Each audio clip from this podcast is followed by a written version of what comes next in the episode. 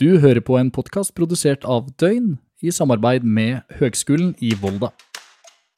Det starta i Volda, og hva gjør du nå? Det lurer jeg på.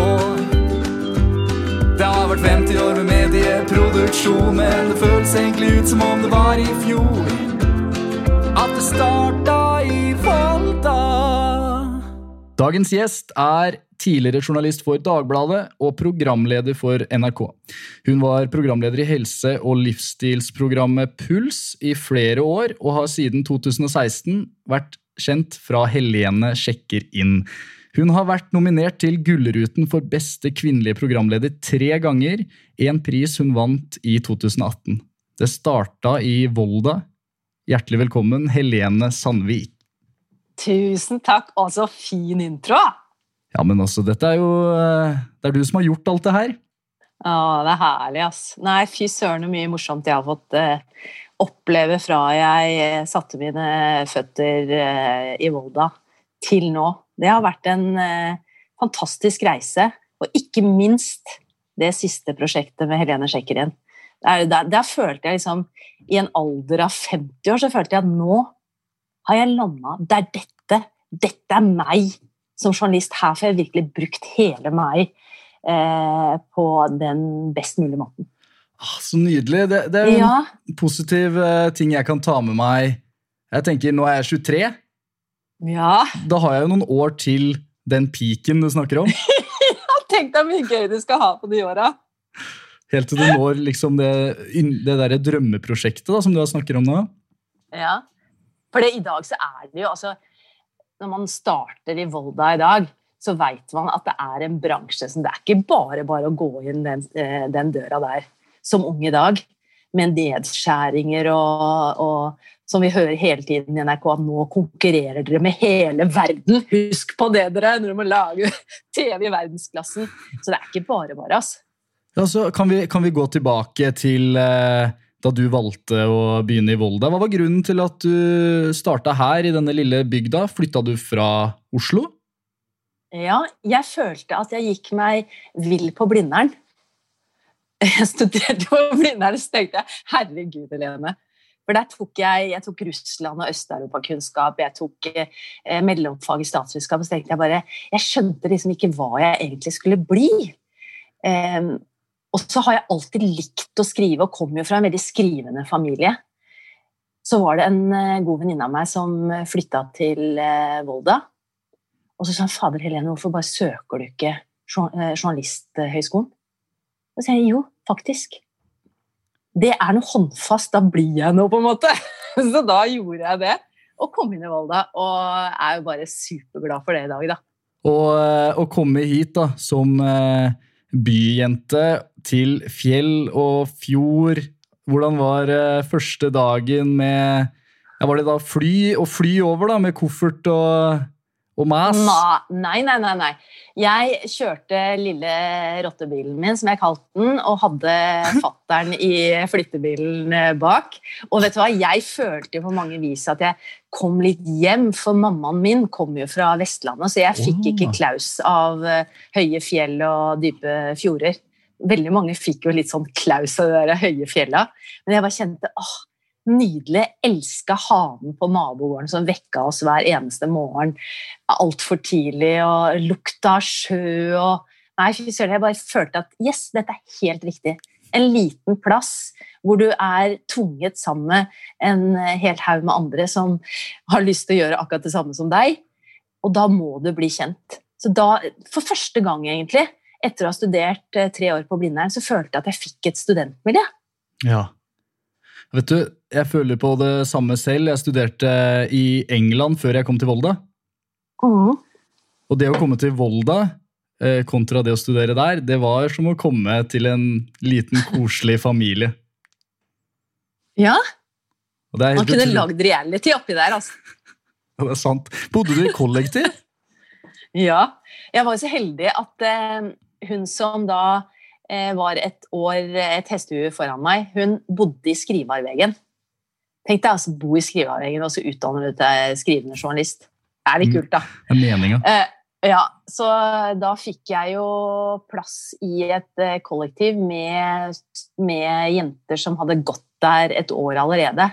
Som liksom visste alt hvor all moroa skjedde, hvor eh, ølpolet var og alt, alle sånne viktige ting. så jeg fikk jo mye gratis. Det var sånn crashkurs i Volda. Ja, ja det var det. Og eh, en vanlig uke i det kollektivet, da? Hvordan, eh, hvordan var, det? var det første gang du flytta inn i et kollektiv? Ja. Hadde aldri bodd i kollektiv. Eh, jeg hadde kjæreste, så jeg bodde i kollektiv med kjæresten i Oslo. Da. Så jeg, jeg, jo, jeg dro jo fra en kjæreste. Det var litt ja. kjipt. Eh, men det var veldig mye spennende i Volda. Og nye, nye, bekjentskaper og alt sånn. Så, men det var første gang jeg bodde i kollektiv. Syns det gikk utrolig bra. Jeg er veldig sosialt. Eh, når man er ung, så bare syns man det er spennende, og alle var veldig, veldig hyggelige. Så jeg stortrivdes. Ja, det, det, skjønner jeg godt. Og da var det ut på rocken i helgene, eller var det rocken på den tida? Hva, hva var utelivet som når du gikk der? Eh, det var mye privatfester. Ja, Det var det, ja? Det var fester i skriveavveggen, det var fester Det var helt det oppe ved det der vannet, så var det et sånn digert, hvitt hus som eh, gutta bodde i. Eh, jeg husker ikke Solbakken! Solbakken, altså? Har du hørt om det? Nei, Det må jeg ta og uh, finne ut av, uh, for det kan godt hende at uh, de har fortsatt i ja, samme var Liksom ikke, jeg husker ikke at vi var mye på byen, på en måte. Nei, men Det er vel kanskje ikke så mye by heller? Nei, det er poeng der. Vi har, vi har, vel Rocken, som er den plassen, men ja, fordi, hvor, hvor, langt skal vi tilbake? Når var det du begynte i Volda? Var ikke det i 94? Jeg tror det var i 94. Da var jeg ikke påtenkt. Tuller du? Herregud. Tenk det. Herlig min hatt. Jeg kjenner en som går i Volda nå, da, en som heter Josefine. Hun var med på Idol òg. Ja, hun går jeg i klasse med. Og da må hilse henne masse. Det er så gøy, ja. Vet du hva, jeg tenkte bare, Josefine har intervjua meg en gang. Da, det tror jeg var på videregående. eller noe sånt. Og, men hun har, hun har journalisten i seg. Altså. Så jeg er så glad for at hun uh, har begynt i Volda. Ja, det det er her man skal være, og jeg har skjønt da, hvis man skal eh, oppnå eh, det du har eh, klart å få til. Men tror du ikke det handler noe om at man har det gøy òg? At det ikke bare er det faglige? For jeg må bare ærlig innrømme oss at jeg var ikke blant de mest uh, ivrige studentene. Når det gjelder det faglige og eksamener Nei. og lesing Nei. og Nei, det var ikke det. Jeg er veldig skippertak, og, og jeg på, Til ingen forkleinelse for Volda, altså, men, men, jeg kjente liksom at det, eh, det håndverket lærte jeg når jeg gikk ut i praksis. Ja, men det er akkurat eh, det du sier der som jeg også tenker at eh, praksis og det faglige går veldig hånd ja. i hånd her. Ja. Og kanskje det, det, Bare det jeg gjør nå når jeg prater med deg, det er jo ved siden av studiene. Kjempebra det du gjør. Ja, Tenk deg hva du lærer. Det er litt uh, skummelt, men uh, når jeg møter, uh, møter sånne som deg, Helene, så virker det som at det går greit. Du vet hva, Det fineste med jobben er jo det å møte folk. Det er jo det der. Men, men det må jo være noe du har hatt med deg hele veien. For det er det jeg ser på en måte som en fellesnevner i arbeidet ditt. Vi skal jo komme litt tilbake til det senere, tenkte jeg. Jeg har lyst til å prate litt om eh, det du har laga og sånn, men eh, den der interessen for mennesker må jo ha starta eh, før du begynte å lage disse seriene? Ja. Du, ikke sant? For du skrev til meg at liksom overskriften på intervjuet det starta i Volda. Men det er sånn sånn, det starta med hasj. Nei, det gjør antageligvis starta antageligvis ikke med hasj. Det starta et eller annet sted mye før. Og jeg føler på mange vis at, eh, at jeg fikk eh, pappas klimping på Han skrev på skrivemaskin. Og den der rulletobakken Jeg liksom vokste opp med det skrevne ord. Og jeg vokste opp med engasjerte foreldre. Eh, som var opptatt av samfunnet. Så allerede der startet det. Altså, når jeg var liten, så var det vuggesangen min det var pappas klimpring på skrivemaskinen og, og den der eimen av rulletobakk som bare se- sev opp på soverommet, som jeg faktisk syns er litt deilig lukt. Jeg også liker eh, Jeg pleier å si at eh, vennene mine eh, at de bare må røyke. For jeg, jeg røyker ikke selv, men jeg liker så godt lukten av røyk. Ja. Når det ikke blir for mye, da. For når vi bodde i Skriveavveien, da var det, da var vi, hvor mange bodde vi der? Fem-seks stykker. Og alle røyka. Altså, det var teppelagt. Vi fikk liksom ikke vaska ut uh, røyklukta. Er det sant? heldigvis ja, helt jævlig, ass. Altså, vi røyka med begge hender.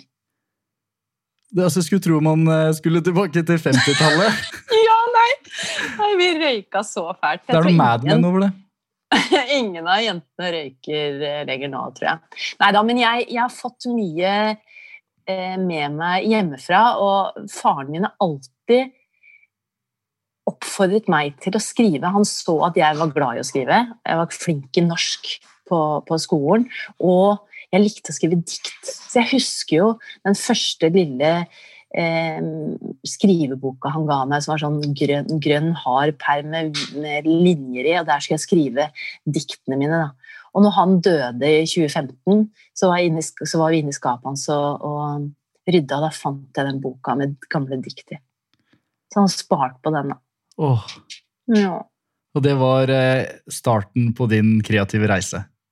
Det var kanskje starten på min eh, kreative reise. Ikke, ikke starten på en stor karriere som poet, men som en som var glad i å formidle, formidle seg i ord, da. Og det, det, tok du det tok du med deg videre og til Volda. Så det du sier at det som skjer i Volda, er ikke nødvendigvis altså det som Selvfølgelig, det er jo mye som skjer på de årene her, Ja. men eh, det er hele den reisen, og Volda er på en måte en, mer en rampe. Ja. ja, en mulighet. Ikke sant? Der, der kommer man eh, Når man kommer da ut i praksis, man bygger seg et nettverk, eh, man får mulighet kanskje til å fortsette fra en praksisperiode inn i vikariater. Det er, det, det er et mulighetsbrett, da. Vi må høre, vi må høre litt uh, mer om det etterpå, men, men jeg ble så interessert i det der røykbelagte kollektivet. Jeg synes det var så fascinerende. Jeg, jeg lurer på om vi har blitt for snille jeg, nå? At vi har blitt for politisk korrekt? Det er ingen som røyker i kollektivet mitt inne? Nei, men det syns jeg Vet du hva? Røykeloven er faktisk veldig bra. Det må jeg si. Ære være røykeloven, altså. Ja, var det, var det mm, Men var det altså røyking og åssen var det med matlaging? Jeg pleier spørre, jeg pleier å spørre de jeg prater med om eh, hvordan studentmaten eh, gikk for seg. Det var mye makaroni og ost. Det var ikke veldig ernæringsrikt, altså. Men så slo vi jo til, da. Og eh, jeg gikk jo sammen med, med Thomas eh, Numme. Jeg gikk sammen med Kjartan Brygge Bjånesøy. Altså, eh, Kjartan er jo kjempeflink eh, flink til å skrive, han også. Vi gikk avis. Thomas gikk på TV. Eller gikk, ja, han gikk TV. Og, og vi lagde sånne deilige mm, raspeballmiddager. Oh, Det er raspeball, vet du. ikke sant? Jeg er jo, jeg er jo fostra på pinnekjøtt og raspeball, fordi jeg hadde mor fra, fra Vestlandet. Så da var det fest, altså. Når vi, lagde, når vi kokte, kokte kjøtt og, og spiste raspeball. Ja, salt eh, kjøtt, eh, raspeball Vi dypper det i sukker. Jeg vet ikke om dere Nei. gjør det? Nei, ikke, det, det er ikke jeg vokst opp med. Ja, fordi vi kaller det kompe der jeg eh, har liksom eh, vokst opp. da. Kompe. Ja. Komple. kumle, Kumle. potetball. Det er mange, eh, Kjært barn har mange navn. Så, så du og Thomas Numme satt og spiste komper? Eller, Ja, eller vi- raspeball? Raspeball, ja. Jeg var veldig glad i det. Og la grunnlaget over en god, god, eh, en god raspeballmiddag. ja. Jeg skal prate med, skal prate med han eh, Thomas uh, Numme. Jeg, jeg kan ikke si Thomas, det kan du si. Jeg må si Thomas Numme. ja. Vi skal prate med han på torsdag. Ja, da, du, da veit jo du at han er glad i raspeball. Så det med ja, du, du må egentlig gi meg litt sånn inside eh, om hvordan det var eh, i, i studietida, da, som jeg kan ta meg over til den samtalen. Thomas er egentlig sånn som Jeg kjenner jo Jeg har ikke noe eh, kontakt med Thomas nå, men han traff jo kona si i Volda, da. Fordi vi har, vi har noe som eh, heter for Volda-syndromet. Ja, mange som eh, bytta ut kjærester og fikk nye kjærester. Og, for å si det sånn. Men jeg, vet ikke om de hadde kjæreste fra før av, men de, Anette og Thomas traff jo hverandre i, i Volda. Det Ja. var stjernepar, vet du. Det må jeg spørre om. Ja. Men Og så var han er Jeg opplevde han som litt sånn eh, sjenert i starten. Jeg tror han er eh, litt sånn sjenert type, egentlig. Ja. Men veldig varm og fin fyr, altså. Veldig. Og så er han flink til å spille piano. Han sang sånne gamle Frank Sinatra-låter og Fly me to the Eh, moon. Ja. ja. Det er så gøy. Det skal jeg ta med meg når jeg skal prate med en. eh, Men eh, over til, eh, over til deg. Det er, jo, det er jo ikke Thomas denne samtalen handler om. Nei. Du starta tidlig å tenke på en karriere innenfor uh, det å være programleder og sånn, eller var det her i Volda Nei. du Nei? Herregud, jeg studerte Jeg tok jo avislinja, jeg. Jeg vil leve egentlig veldig anonymt og Du skulle hadde skrive, ja. aldri noen tanke om at jeg Eller drøm om, om å bli programleder på TV. Eh, sånn at det var helt tilfeldig. Fordi jeg gikk jo avislinja, og så kom jeg i praksis i Dagbladet, og i Dagbladet så jobbet Fredrik Skavlan.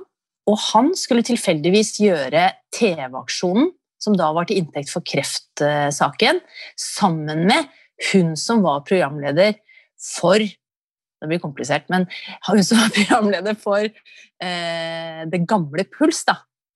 Og da ville han, spurte han å, kunne du tenkt deg å liksom bare ta en liten sånn, hoppe av litt Dagbladet-karusellen en liten periode, og så være researcher og reporter da for NRK under TV-aksjonen? Så sa jeg ja, det har jeg veldig lyst til.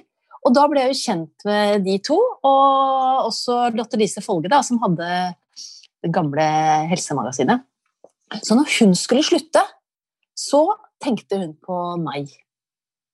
Og Til- tenkte at, vet du hva? Da, ja, og så tenkte hun eh, Er vi der? Der er vi. Nå, ja, det kan gå tomt for batterier, altså. Dette blir spennende. Vi lever farlig. Og så eh, eh, Jo, så tenkte hun på meg, og så ber hun folka da i NRK om å kalle meg inn til audition. Og da hadde jeg faktisk bare Akkurat idet jeg får en forespørsel om å komme på audition til NRK, så har jeg da fått fast jobb i Dagbladet. Og det har jeg hatt i akkurat fem måneder. Det var jo overlykkelig. Jeg hadde fått drømmejobben i nyhetsredaksjonen i, i Dagbladet. Men så søren meg så drar jeg på audition, så får jeg jobben. Oi! Ja. Snakk om eh, tilfeldigheter og flaks og liksom, timing og alt. Og så tenkte jeg da jeg måtte, jeg måtte faktisk tenke meg litt om, for jeg hadde jo fått drømmejobben. Men så tenkte jeg herregud, jeg kan ikke si nei til det. Fordi Dagbladet går jo ikke til grunne på den tida som jeg er i NRK, så hvis, hvis det skulle brenne på dass og jeg har lyst til å gå tilbake og, og skrive, så er jo, er jo det fullt mulig. Så da takket jeg ja, og har vært nå i NRK i, i over 20 år. Var det, var det altså rett etter studietida, det? Det var i 98. Ja, fordi du gikk i, ut i praksis da i Dagbladet. Ja. Eh, Og så jeg var, jeg var vel Jeg var ferdig i 96. Så det var eh, to- to-tre år etter at jeg var ferdig, da. Og så utrolig spennende da, å skulle da ta over som eh, Hva var det du Var det Puls? Ja, nei, det var For det, det het helserefleks. Å ja! Ja. Og så kom jeg inn i bildet, og så bare noen måneder, det var ikke lenge det var helserefleks, så, så la vi om og begynte å skyte eh, sendinger fra redaksjonen, og det var på den tida der når alt skulle skje i redaksjonen, man skulle se at det var journalister rundt det, altså. Eh, Så vi bytta navn eh, ganske kort etterpå til Puls, da. Og da var du programleder. Da var jeg programleder, både programleder og jeg lagde innslag. Hadde du gjort det jeg- før, før? da? Jeg hadde egentlig bare gjort det så vidt, fordi etter at jeg hadde eh, vært i Volda det første året så tenkte jeg faen, jeg må, jeg må søke på sommerjobber og få meg litt erfaring. For jeg hadde ingen erfaring fra å være journalist før jeg startet i Volda. Ja. Så da tok jeg kontakt med TV Norge. Tenkte vel kanskje at det var det enkleste, da, å få jobb. og sa at jeg kan koke kaffe, jeg kan gjøre alt, og nå går jeg i Volda, vil gjerne ha en sommerjobb. Og så fikk jeg sommerjobb, og i sånne små redaksjoner så blir man jo kasta ut i det. Så jeg tror ikke jeg hadde kokt kaffe i mange dager før jeg fikk beskjed om å dra ut på min eh, første eh, TV-reportasje. Og det var å dekke Livredderne på huk. Spennende. ja, ja. De, de, som eh, passer på at ikke folk drukner. Og jeg, var, jeg husker jeg var skikkelig pissnervøs. Men du har jo med deg en fotograf som har lang fartstid, sånn at eh, man får så mye hjelp. Og du sto med mikrofonen? Ja, jeg intervjua, og så var det tilbake da i full fart da å klippe sammen saken med en eh, redigerer. Så ja. landa vi på beina. Kjempeutfordrende og gøy og spennende. og bare, ja, Det er jo sånn man lærer. Bare kaste seg ut i det. Så du sier at uh, den sommerjobben den gjorde deg litt klar da, for den uh, jobben uh, som du da senere fikk som programleder, så du hadde på en måte litt erfaring bygd opp? Ja, det kan du si. Og da ble det puls i noen år? Ja, og så har jeg gjort fire TV-aksjoner, da. Ja. Så det har jo vært kjempeerfaring og fantastisk å få være med på syv timers direktesending. Med artister, med gjester i studio. Så jeg har fått prøvd meg på den biten òg, da. Og ikke minst viktige, meningsfulle temaer å jobbe med. Hvor man kan ja, sette seg inn i ting. Det lurte jeg litt på eh, å, å, spørre deg om. Fordi eh, jeg, jeg syns det virker eh, så tøft å berøre de temaene som du har eh, berørt. Eh, og hvordan, hvordan, du, hvordan, du, selv eh, klarer å bevare både din egen syke og, og, klare på en måte å, å nærme deg disse temaene. Da. For meg virker det skummelt og litt vanskelig. Ja, det er det. Jeg tror at du skal ikke være programleder i et sånn type TV-konsept hvis ikke du er litt robust som person. At du har en god syke. Jeg tror felles for veldig mange av oss journalister er at vi er glad i å møte mennesker. At vi liker folk. Sånn at, at de to tingene er viktig at eh, er med deg. Og så tror jeg det er en kjempefordel å ha litt erfaring fra livet. Oppleve ting i sitt eget liv. Eh, og få livserfaring. Så står du også stødigere og du er tryggere på deg selv. Jeg tror at du kan møte mennesker godt og bedre når du er trygg på deg sjøl. Og så er det en ting som er veldig viktig, og det er at jeg møter mange mennesker som står i ekstremt vanskelige livssituasjoner Eh, som trenger andres hjelp. Men jeg skjønner jo min egen begrensning. Jeg skjønner jo at jeg kan ikke redde alle. Men mm. jeg kan gi dem en stemme. Jeg kan gi stemme til de som vanligvis ikke høres så ofte i samfunnet. Og det, meg, det er en kjempedrivkraft. Ja. Altså Så du um, jeg, skal, jeg, skal, ta og uh, klippe litt og sånn hvis jeg detter litt ut av det. jeg syns du er kjempeflink. Ja, men det er Herregud, bra. Men alt, alt, det der var veldig fint. Jeg har blitt intervjua av folk som har lang erfaring, som ikke hører etter. Du hører etter, du, hva jeg sier? Ja, jeg syns det er veldig interessant. Ja, men altså, Det er ikke alle journalister som er flinke til å høre etter. Jeg tenker at Det viktigste verktøyet vi har, det er øra våre. Og det er det jeg tenker, at uh, når jeg prater med deg nå, så skal det være en samtale. Ja, det får du til.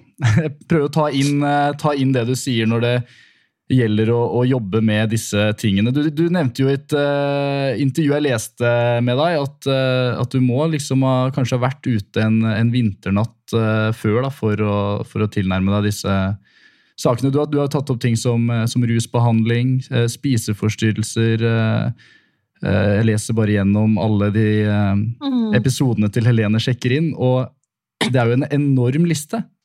Ja. Jeg har vært på 21 institusjoner.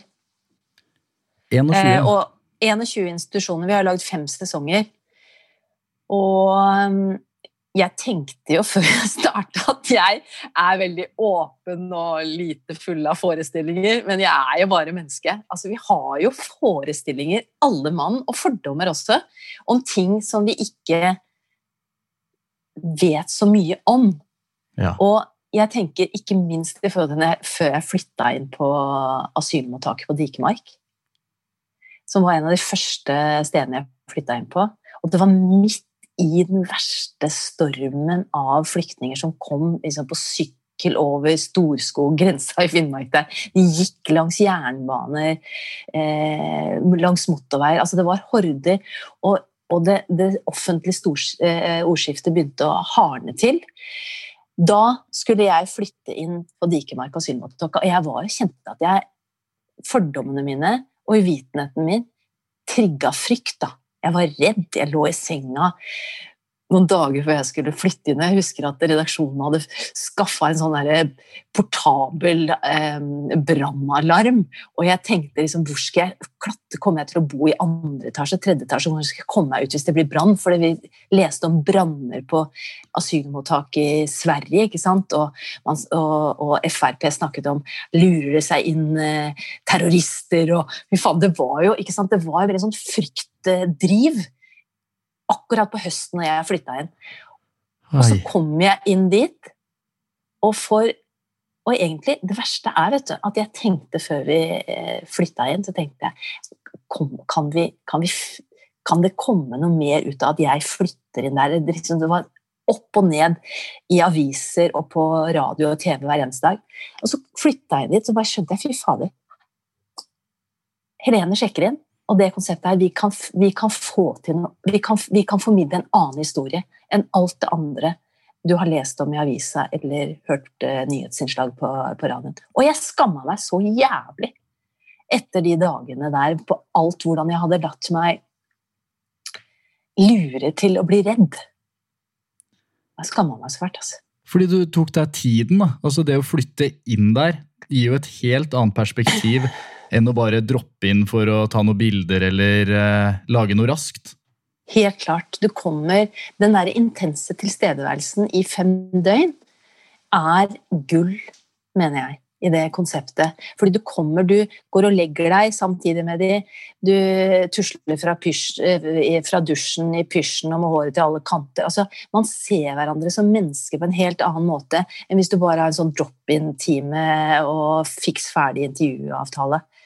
Så jeg kom jo veldig tett. Så fortvilelsen, så hvordan de levde i limbo, hvor trangbodde var, drømmer om framtid, eh, savn etter familier. Altså det, sånne grunnleggende menneskelige følelser som vi har uansett om vi kommer fra Palestina eller eh, Syria eller hvor det er. Det, det rørte meg veldig inn i hjertet. altså. Det er et utrolig konsept.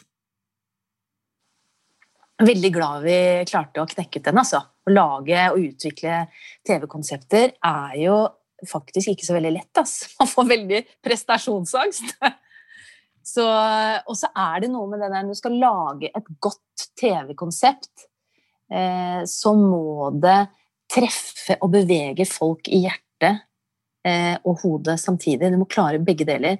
Og så må det være du må forstå, altså Seeren må, må forstå fort hva det er du vil formidle.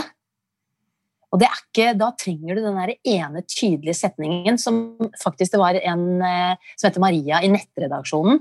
Hvor vi drev og barna hvordan skal dette konseptet se ut, og hva skal det være? Og så bare sa hun, En dag så sa Maria ja, hva om Helene bare flytter inn på institusjonen, og så bor hun på den institusjonen i sju dager? Er det mulig, liksom? Ja, der kom den. Der kom linja som definerer eh, konseptet, da.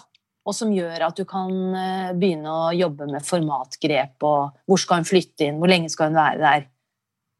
Hva er, det, hva er det som har gjort eh, mest eh, inntrykk på deg av alle ja, det, er, det må være vanskelig, da. Det må være utrolig Ja. mange inntrykk som du sitter igjen med etter å ha møtt så mange ulike mennesker i ulike situasjoner.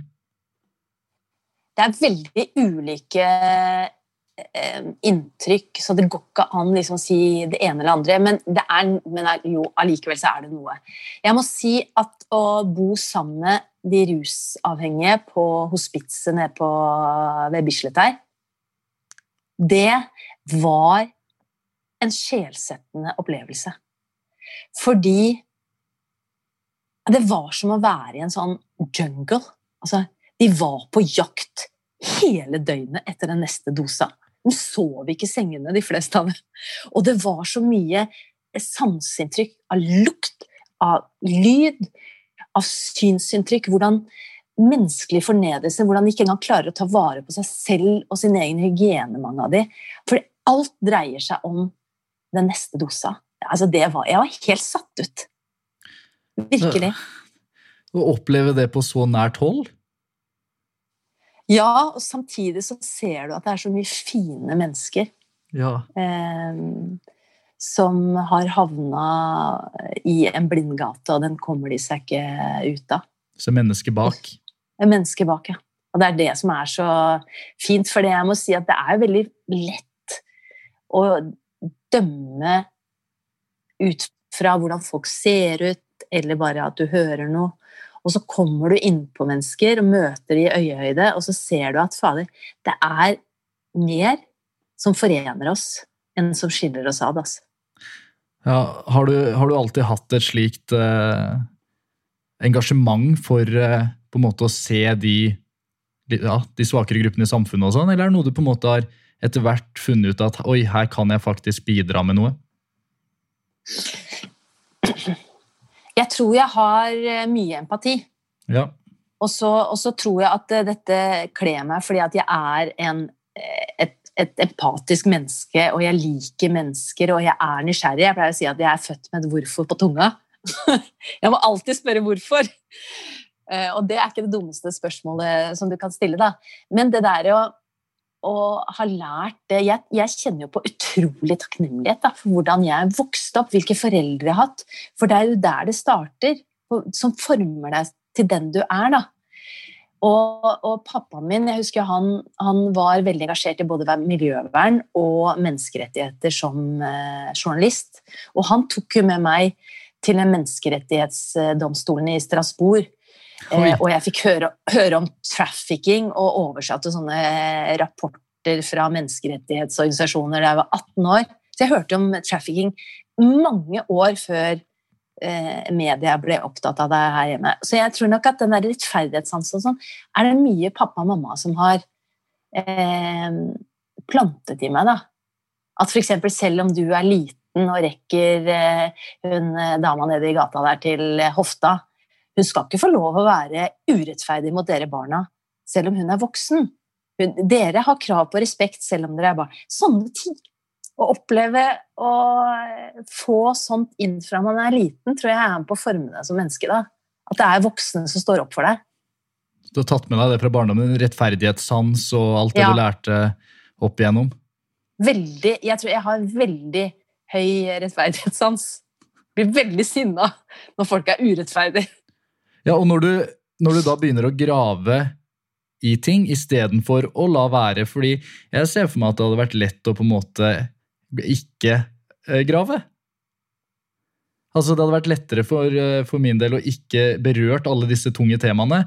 Og når du begynner med det, da sier du at du finner den der gnisten til å fortsette, fordi her ser du at det er urett.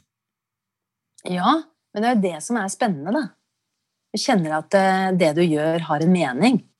Jeg tenker at det er den største gaven vi kan ha. Da. Det tenker jeg på jeg tenker at Mange av de som har starta i Volda, de vil det fra hjertet. Men jeg tror veldig mange eh, unge i dag de velger ut fra ting de kan tjene godt med penger på, eller så er det et sånt press, De føler et press fra omgivelsene sine. At de skal gå rett ned, de skal bli jurister, de skal bli leger. Men det er å kjenne hvem er du? Når er det du liksom blomstrer, når er det du får energien din? Hva gjør du da? Å gjøre noen sånne avsjekk før man tar en utdannelse. Ja. Er du glad i eh, Ja, det tenker jeg. Og det, jeg også måtte jo gå en runde og skulle være liksom flink pike og starte på Blindern, og sånn, men det var jo ikke der jeg skulle være. Ja, Du skulle møte mennesker? Jeg skulle møte mennesker, ja. Skulle ikke bare møte akademikere? Nei da. Nei, men jeg skulle jo Det var ikke der. Men det, det der å også kunne ta et steg tilbake da, tenke at du er, ikke, du er ikke dritt for det om du har, at du har gått en liten omvei. Dette var, eh, dette var fint sagt. Det skal, skal jeg ta med meg, og det tror jeg alle studentene er eh, når de hører den podkasten, at de kan tenke på. Mm.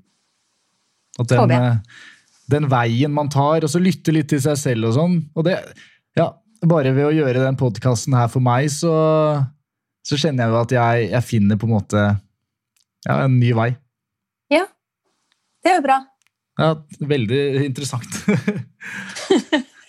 Men eh, åssen bevarer, hvordan bevarer du deg selv midt oppi da? Du sa, du sa det at før du sjekka inn da, på det asylmottaket, at du var livredd og hele den pakka, men når du kom dit, så slapp, så slapp de nervene. Mm. Det gjør ofte det. Det er noe med menneskemøter gjør at du slapper av. Det er det, det er det ukjente, det fremmede, det du frykter, som gjør deg redd. Men eh, ting blir mindre skummelt når du er der. Og sånn er det med alt. Folk er folk. Virkelig. Folk er folk. Ja, det merker jeg jo bare i den samtalen her. Jeg jeg er nervøs før samtalen. Møter Ja. deg ansikt til ansikt, prater, så forsvinner det. Ikke sant? Akkurat sånn er det. Og Det- akkurat sånn er det for meg også. Men det som jeg tenker som er veldig eh, Som jeg har lært mye av, det er Jeg vet ingenting om de menneskene jeg skal møte, før jeg møter dem. Jeg vet okay. ikke hvordan de ser ut, hva de heter, hva, som, eh, hva, hva de sliter med, hva de trenger. Så alt det skal jeg ta inn på fem eh, dager. Og det som er det viktigste for meg før jeg skal gå og gjøre en jobb som programleder i Helene Sjekkerin, det er å være mentalt i balanse. For din Sånn egen del, da? Ja. Sånn at å få, å få lade opp på en måte som jeg eh, vil, at jeg ikke har for mye andre ting på jobben som trekker mye vatt, da, sånn at jeg kan være i vater eh, og klar for enorme inntrykk som skal eh, prosesseres oppi nøtta mi i løpet av kort tid.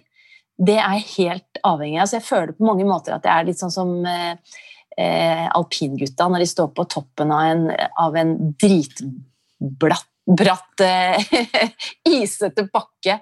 Og så det der å visualisere løypa, prøve å se for seg hva er det som kan skje, hva er det verste som kan skje. Hvordan eh, kommer jeg til å reagere hvis jeg møter eh, den og den? Så du Fordi går gjennom såpass, ja.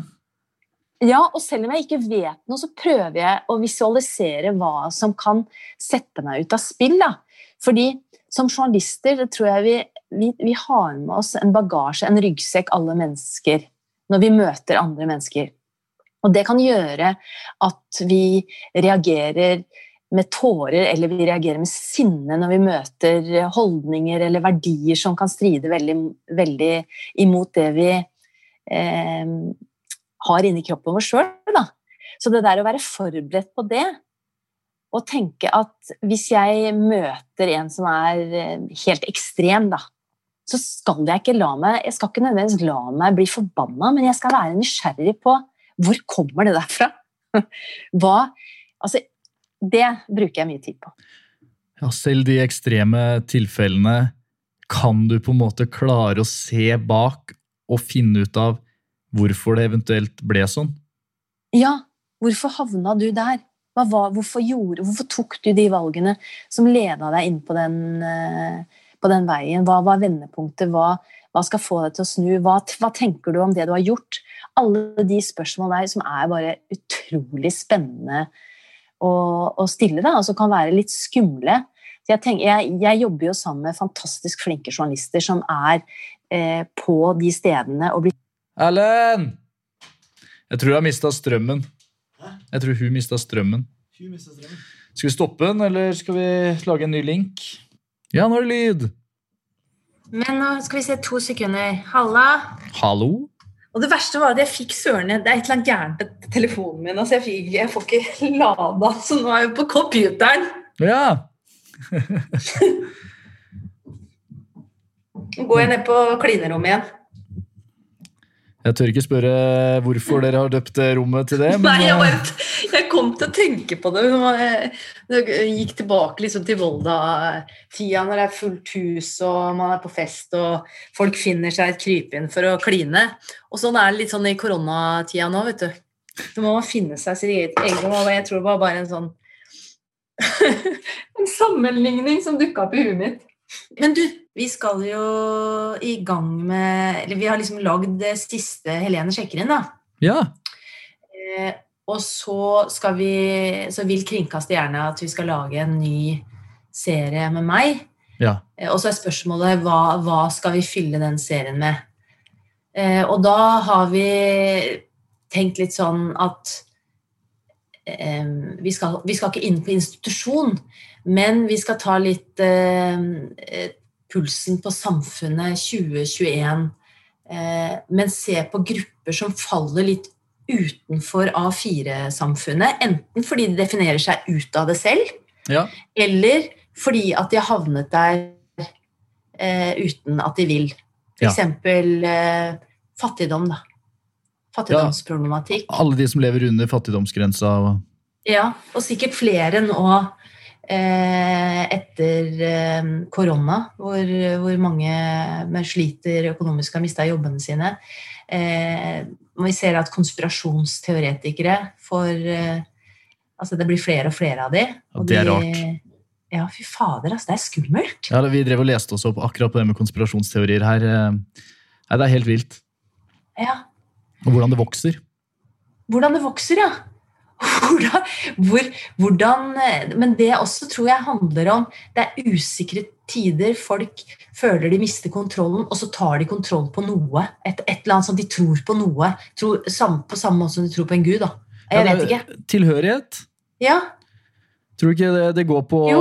religion, det går på eh, hvorfor eh, nazismen eh, fungerte for mange? Altså det går på hvor, disse, disse, ja, disse massesuggesjon. ja.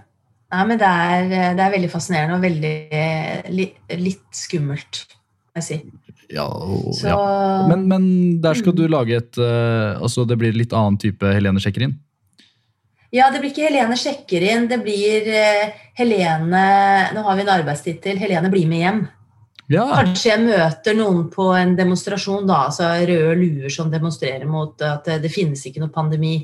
Og så blir jeg med noen av akti eller en av aktivistene hjem, og så gjennom det mennesket får jeg tilgang til flere i miljøet og får en økt forståelse av hvorfor tror de som de tror, hva driver de, altså hva er konsekvensene. Mm. Det må være krevende for, for deg da, å, å skulle klare å, Ja.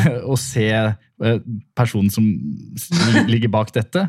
Ja, ja det, blir, det blir nye utfordringer. Ja, det tror jeg på. Eh, Du snakka om, eh, før vi, før vi kutta i stad, så snakka du om at eh, du jobber i et utrolig team. Det var det du sa. Jo, jo, fordi jeg må jo, og det tenker jeg også er viktig å ta med seg når man skal ut i, ut i arbeidslivet. Da. Det der å tørre å vise sårbarhet, tørre å si fra når man syns noe er vanskelig, når, man kommer til kort eller står overfor et dilemma. Jeg tenker på at i Helene sjekker inn hvor jeg må stole så ekstremt blindt på de vurderingene som teamet, de to journalistene som jobber i par ute på hver institusjon, eh, de valgene de tar på mine vegne og, på, og med de medvirkende som jeg skal møte, de må jeg stole veldig på. Og jeg tror at for, for at vi skal stole på hverandre, så må Mm. vi også tørre å vise litt hvem vi er på godt og vondt, da. Ja. Så det, det der å ikke være så eplekjekk og late som om eh, man er supermann og kvinne på alt, men tørre å være så modig at man sier når man syns ting er vanskelig, og hjelpe, og, og så søke hjelp, det tror jeg er eh, veldig, veldig viktig. Og, men det er jo også noe som vi kan være med å skape alle sammen, men også noe som sjefer er med på å legge til rette for. Da. De gode, gode kulturene. Eh, et sted hvor det er høyt under taket, og hvor, hvor det er rom for å si ifra. Og det føler du da at du, du har hatt et godt team når du lager disse seriene som er eh, veldig sårbare, og, og, og det er rom for at du også kan vise sårbarhet. Ja, absolutt. Og eh, de på regi de tupper meg i ræva hvis jeg er for feig. Eh, hvis jeg ikke har for eksempel lyst til å gå inn på et rom der jeg syns et spørsmål og jeg veit at jeg bør stille det spørsmålet, men det gjør så vondt. Så tupper de meg litt i ræva, sånn godmodig, da. Ja. Eh, og eh, vi kan le sammen, vi kan gråte. Jeg føler at vi er veldig i stor grad debrifer ute på location. Fordi det er så mye og intensive, sterke inntrykk som bølger over oss hele tiden. Så vi trenger å reagere. Og vi gjør det sammen, og vi gjør det med kan, Vi har jo fagfolk rundt oss på institusjonene som vi også kan, eh, kan bruke, men, men den viktigste debrifen gjør jeg med teamet mitt. Dæven. Så de kan være sånn Ja, nå ser vi en mulighet her, nå må du bare inn. Ja. da tipper de meg i ræva. Ja, ikke sant. Um, før vi begynner å nærme oss uh, slutten, uh, hvordan har det vært når du For jeg leste også det på en måte at du får litt uh, kritikk for det å skulle grave i disse sakene. At det på en måte at det blir jeg vet ikke, for personlig. eller altså, det, det virker som at det er noen som mener at dette her er temaer som man ikke nødvendigvis skal berøre så mye? eller Jeg, jeg skjønte det ikke helt, men jeg syns det var mye sånn dum, dum kritikk der. Ja, det, Nei, vet du hva? Kritikken eller spørsmålene som stilles, syns jeg er veldig legitime. Og det handler mye om at vi er jo også inn til mennesker som mangler samtykkekompetanse. Altså, de vet ikke sitt eget beste. Mm. Så vi fikk en del kritikk eh, i forbindelse når jeg gikk inn til de yngre med demens. Der var det jo mennesker som De hadde jo ikke peiling på at jeg var journalist, at det var et kamera der. De var eh, så demente at det forsto de ikke. Men det som jeg lærte av det Ja. Fordi jeg føler, og teamet føler, at vi er på trygg grunn. Og det handler om veldig mye. Det handler bl.a. om at journalistene er ukevis, snakker med fagfolk, og når det handler om ikke-samtykkekompetente mennesker, så har de stor dialog med familien for å høre hvem var dette mennesket før han eller hun ble syk. Mm. Eh, ville Hans sagt ja til å stille opp på dette hvis han var frisk? Hvordan forholdt han seg til sykdommen når han var frisk? Jo, han var åpen. Han syntes det var veldig viktig å fortelle eh, samfunnet rundt hvordan det var å være pårørende, hvordan det var å stå midt oppi denne forferdelige sykdommen. Så alt det vet jo vi, og det bør vi kanskje være flinkere til å eh, fortelle seeren om den jobben vi gjør. Da. Ja. Men det som er fint med kritikk, er at vi da kan få svare og begrunne og, og argumentere for de valgene vi har tatt. For jeg sover veldig godt om natta og føler meg veldig trygg på de etiske vurderingene eh, som er gjort. Mm. Med respekt, for jeg føler virkelig at vi, vi bærer verdigheten til disse menneskene i hendene våre. og og de blottlegger seg, og de forteller fra dypet av seg sjøl om kanskje ting de ikke har snakket om før. Så det føler jeg, føler jeg og teamet et kjempeansvar eh, for. Da. Så jeg Ja. egentlig det bare er fint, det er med kritikk. Det synes jeg, ja, og det er jo noe å skape den samfunnsdebatten òg, få litt blest rundt det. og Her stiller dere jo spørsmål og tar tak i ting som eh, er viktig at kanskje blir belyst. Ja.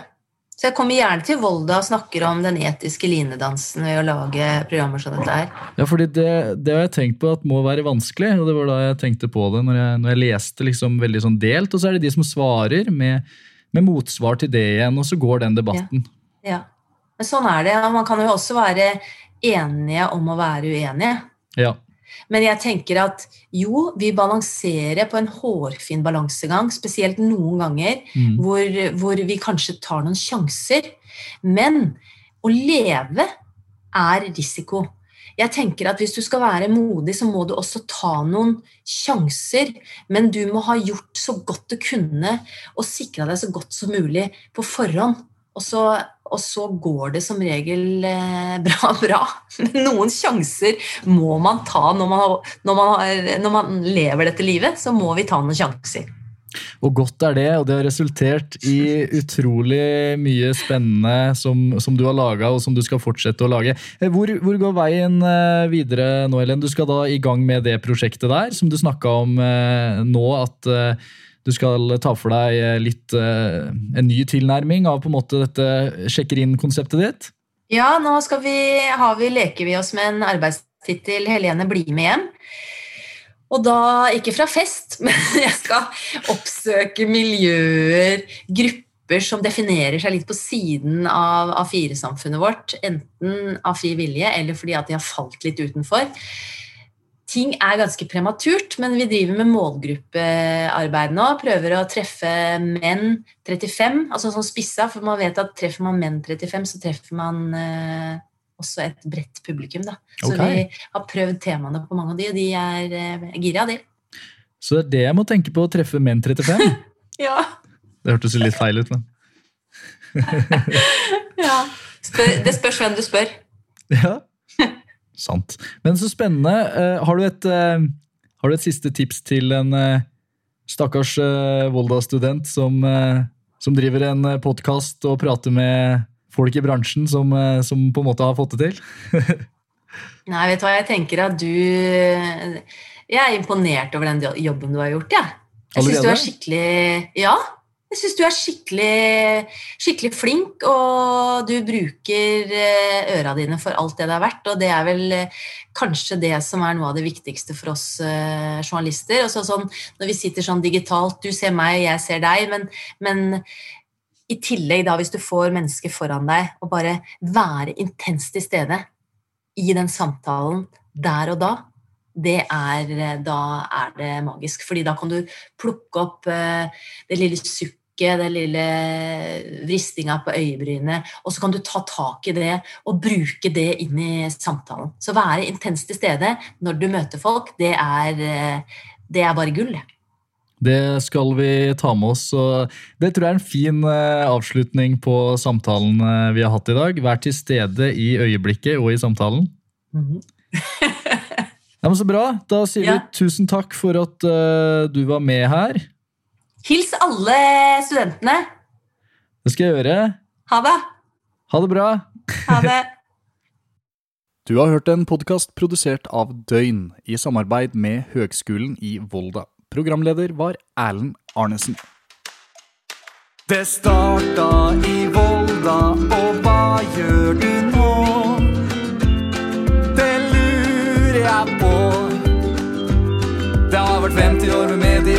Medieproduksjon, men det føles egentlig ut som om det var i fjor. At det starta i Volda.